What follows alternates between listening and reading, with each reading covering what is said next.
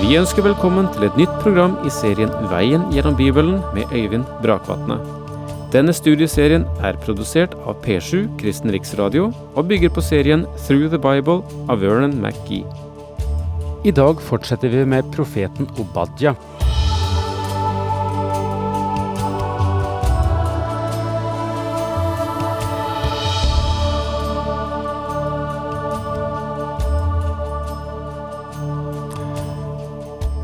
Jeg har ikke drevet så veldig mye med orientering, men lite grann har det blitt.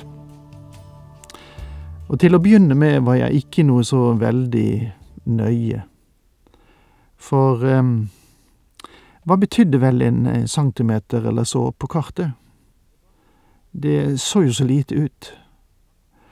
Det er bare det at når det ble forstørret opp mange tusen ganger og ble overført til terrenget, så betydde det at jeg var på villspor.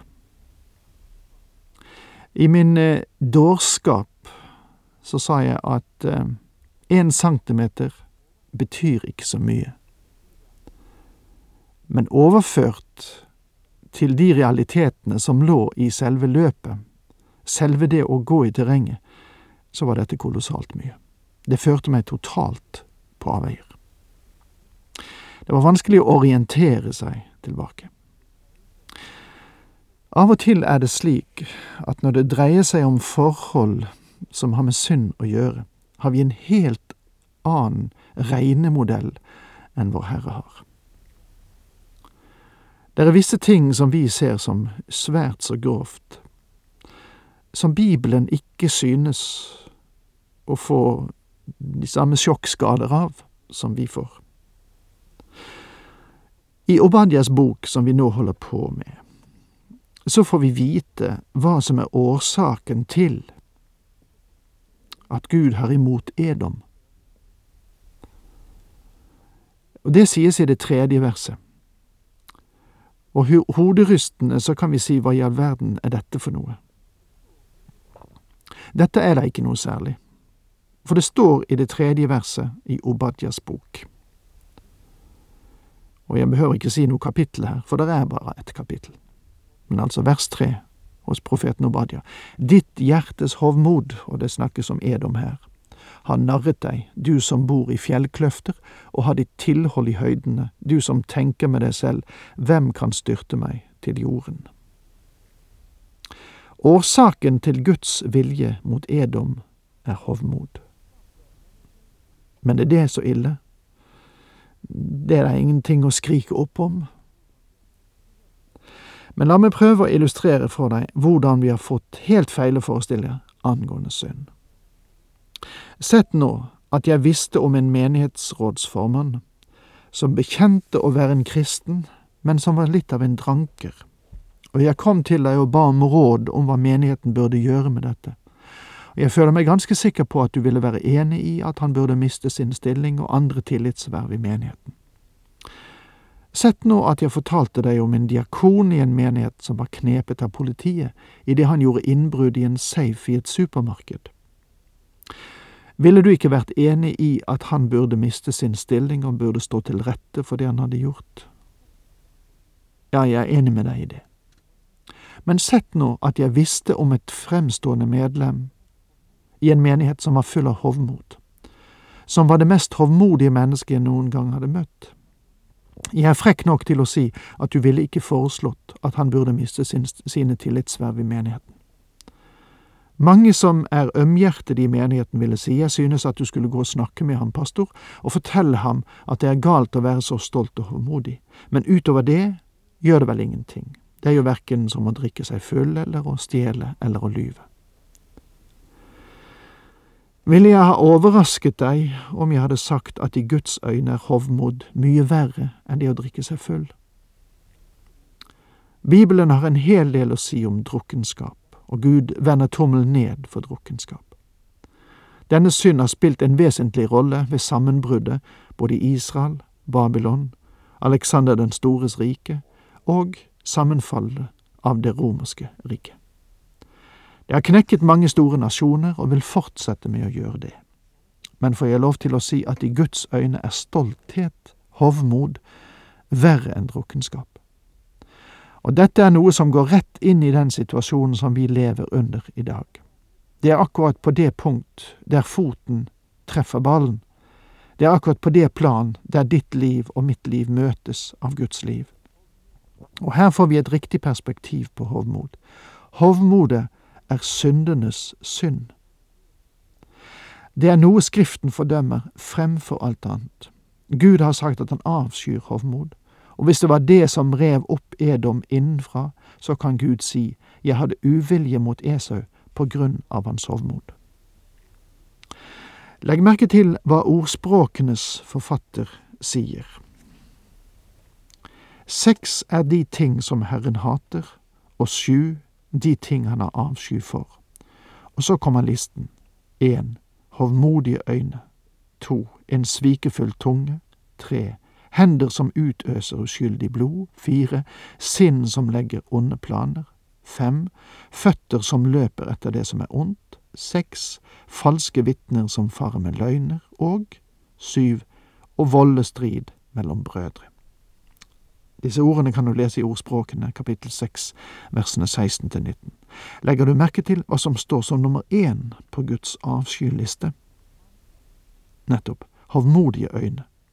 Når en mann eller en kvinne vandrer inn i en menighet og ser på en stakkar blant de hellige som er blitt kjent for å ha begått en synd, og så løfter hodet og stikker nesen i været, eller kvinnen drar skjørtene tett om seg, så er det i Guds øyne verre enn å drikke seg full. Det betyr ikke å godkjenne drukkenskap, men det betyr at drukkenskap er galt, men hovmod er verre. Det er ikke alt Gud har å si om hovmod. Gud sier at han står de stolte imot, men han står alltid på de ydmykes side. Og ordspråkene sier videre i kapittel 8 vers 13, frykt for Herren er å hate det onde. Jeg hater hovmod og stolthet, dårlig atferd og løgnaktig tale. Johannes sier til oss, hovmodig skryt, det er ikke av Faderen, men av verden. Les første Johannes brev, kapittel 2, vers 16. Hvor kommer denne hovmodigheten fra? Om det er noe som kommer fra djevelen, så er det den. Mange av oss hellige har også i dag stolthet, hovmodet å kjempe imot. Det være seg rasestolthet, Stoltheten når det gjelder familie, og stolthet når det gjelder klassetilhørighet, menighetstilhørighet, og over at de har funnet nåde. Ja, de er til og med stolt over at de er blitt frelst av nåde. Min venn, din frelse bør ikke gjøre deg håndmodig. Det er ikke engang noe å rose seg av. Det er noe å opphøye og herliggjøre Gud for, og det er noe som burde ydmyke deg. Skammer du deg egentlig ikke over deg selv, for at det var nødvendig å frelse deg ved nåde, fordi du er en så ussel synder som du er. Jeg har av og til, ja ganske ofte ønsket at jeg hadde noe å tilby Gud for min frelse, men jeg har ikke noe. Og derfor måtte jeg bli frelst ved nåde, og jeg kan ikke rose meg av det. Det er altfor mange mennesker som synes å skryte over at de, en, at de en gang var noen sånne veldige syndere. Gud gir de ydmyke nåde. Paulus skriver, La dette sinn være i dere, som òg var i Kristus Jesus, som det står i Filippane 2, vers 5. Hva slags sinn var det i ham? Det var sinnets ydmykhet. Han sa, Ta mitt åk på dere og lær av meg, for jeg er tålsom og ydmyk av hjerte, som det står i Matteus 11, 29. Hovmodet er det som ødelegger mange kristnes vitnesbyrd og har gjort dem temmelig ineffektive for tjeneste i Guds rike. Selv vitnesbyrdet blir et show, og det eneste de bygger, er en høystakk. Og det er viktig at vi bygger på grunnvollen som er Kristus, med gull, sølv og dyrebare stener. Hovmodet kjører mange av de hellige ned for telling til ti. Det har forlammet flere enn vi kan ane. Saken er jo at hovmodet var Satans synd. For han sa, som det står i Jesaja 14, Jeg vil sette min trone over Guds stjerner, jeg vil bli lik den høyeste. Hovmod var faktisk også roten til Nebukadnesas galskap. Les om det i Daniel 4. Sannelig, dette er det store Babylon, som jeg med min veldige makt har bygd til kongesete, til ære for min herlighet. Og hva hendte med Nebukadneser? Før kongen enda hadde talt ut, kom en røst fra himmelen. Til deg, kong Nebukaneser, lyder disse ord. Kongedømmet er tatt fra deg. Du skal jages bort fra menneskene og holde til blant, ti, blant dyrene på marken. Du skal spise gress like som oksene. Sju tider skal fare fram over deg, inntil du sanner at den høyeste rår over kongedømmet blant menneskene og gir det til hvem han vil. Ja, slik sto det også i Daniel 4. Det var ingen tilfeldighet, mine venner. Psykologene ville i dag kalt Nebukadnesas situasjon hysteri, som leder til en form for amnesi. Denne mannen visste ikke hvem han var, og han ble gående omkring som et dyr på marken. Hvorfor? Fordi når et menneske blir løftet opp av sitt hovmod, så er han egentlig ikke løftet opp, men er blitt dradd ned til dyrenes nivå. Gud bøyde Nebukaneser og førte ham ned til det nivå som dyrene på marken hadde. Hva er hovmod? La meg forsøke å gi dere en definisjon. Hovmod i hjertet er den livsholdningen som proklamerer sin evne til å leve uten Gud. Og nå ser vi her i Obadias bok at hovmodet i hjertet har løftet opp Edom på samme måte som den Esau som hadde foraktet sin første fødselsrett. Selv i Isaks hjem, der det var nok å ete, så skulle han absolutt ha denne tallerken med suppe, og den satte han større pris på enn sin første fødselsrett. Han brydde seg ikke om Gud i det hele tatt, og ved at han foraktet denne første fødselsretten, så foraktet han Gud. Og nå er Esau blitt et stort folk som har proklamert sin egen evne til å leve uten Gud. Du som bor i fjellkløfter og har ditt tilhold i høydene, du som tenker med deg selv, hvem kan styrte meg til jorden? Folket mente de hadde trygge posisjoner i fjellene, og med sentrum byen Petra, som er hugget ut i selve klippene. Petra eksisterer fremdeles og kan besøkes. Og mange som besøker denne byen, er overveldet av størrelsen på den. Her finner vi en hel by hugget ut i fjellet. Den er beskyttet ved at inngangen til byen skjer gjennom et trangt pass. To ryttere kan ikke ride ved siden av hverandre, og det var derfor en by som lett kunne forsvares. Alt var sikkert. Sikkert som banken, sa de i gamle dager. Det er ikke sikkert at det ordet holder lenger, men i alle fall hadde flere av de omkringliggende nasjonene deponert store summer i gull og sølv i byen fordi at man trodde at den aldri kunne falle i fiendehånd. De bodde i fjellkløfter, de holdt til i bygninger som var hugget ut i solid stein i de bratte dalsidene, de var absolutt sikre, i alle fall trodde de at de var det. Men eh, Hovmod står for fall, også i dette sammenheng.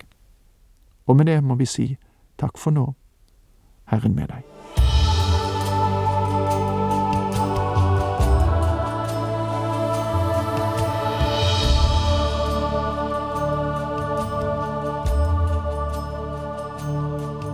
Du hørte Øyvind Brakvatne i studieserien Veien gjennom Bibelen.